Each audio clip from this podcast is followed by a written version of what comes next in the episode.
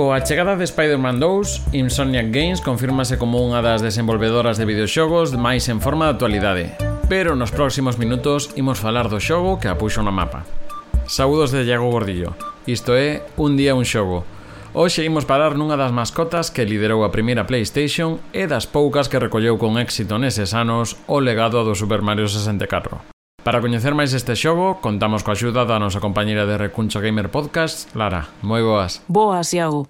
Algúnha vez imaginaches que tes que liberar os teus conxéneres dun feitizo, recuperar as túas xoias e salvar o teu mundo dun malvado Nork? Non? non. Pois se queres facer todo iso, Espiro Dragón está agardando por ti.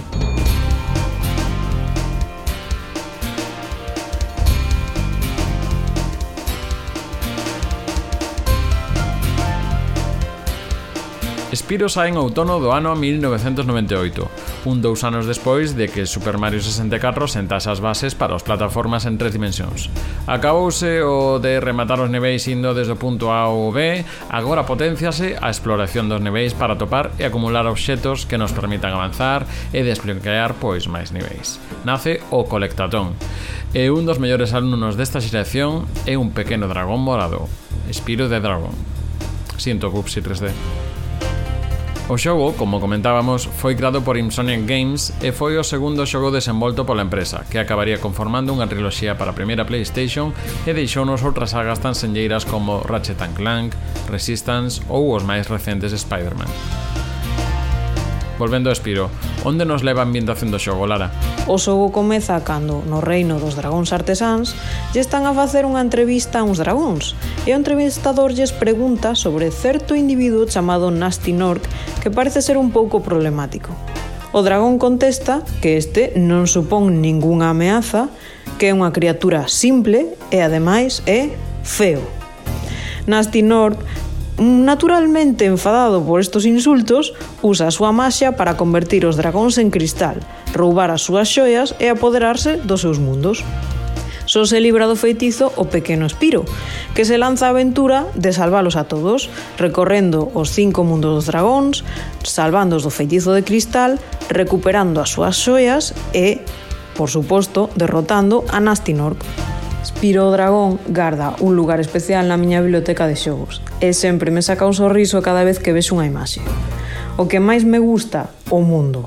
A pesar de ser un xogo de plataformas, os niveis están deseñados como un mundo aberto que se pode explorar a gusto.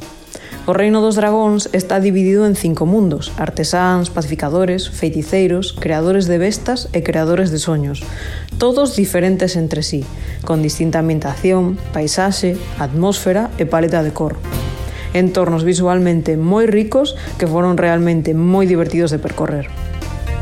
En Espiro de Dragón combinaremos niveis de exploración de plataformas con algunhas fases de voo e enfrontamento con bosses.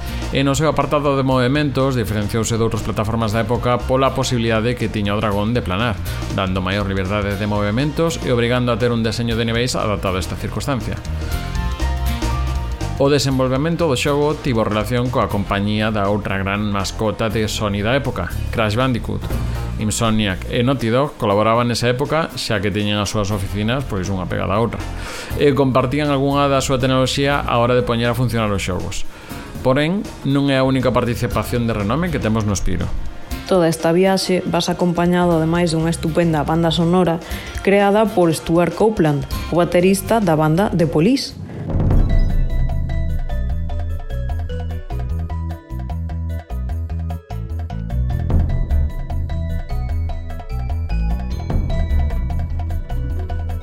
Tras os tres primeiros xogos, Spiro abandonou a Sony e entrou no mundo multiplataforma aterrando en varias consolas de sobremesa e portátiles ata 2008, que foi a súa última entrega. Ainda así, hai maneiras máis cómodas de xogar o primeiro xogo hoxe en día. Se xogar con polígonos dos anos 90 resulta un pouco difícil, o xogo, xunto coas súas dúas secuelas, tivo unha remasterización no ano 2018, con gráficos actualizados, pero conservando o espírito e encanto do xogo orixinal. Espero que vos animedes a xogar e entrar nun mundo tan máxico e divertido que é o mundo de Spiro Dragón. Anoto, Lara. Isto é Un Día Un Xogo, o micropodcast de Recuncho Gamer que tes en Youtube, Spotify e máis plataformas. Se che gusta o que facemos, podes axudarnos no Patreon ou suscribíndote no Youtube. Mañá, outro xogo.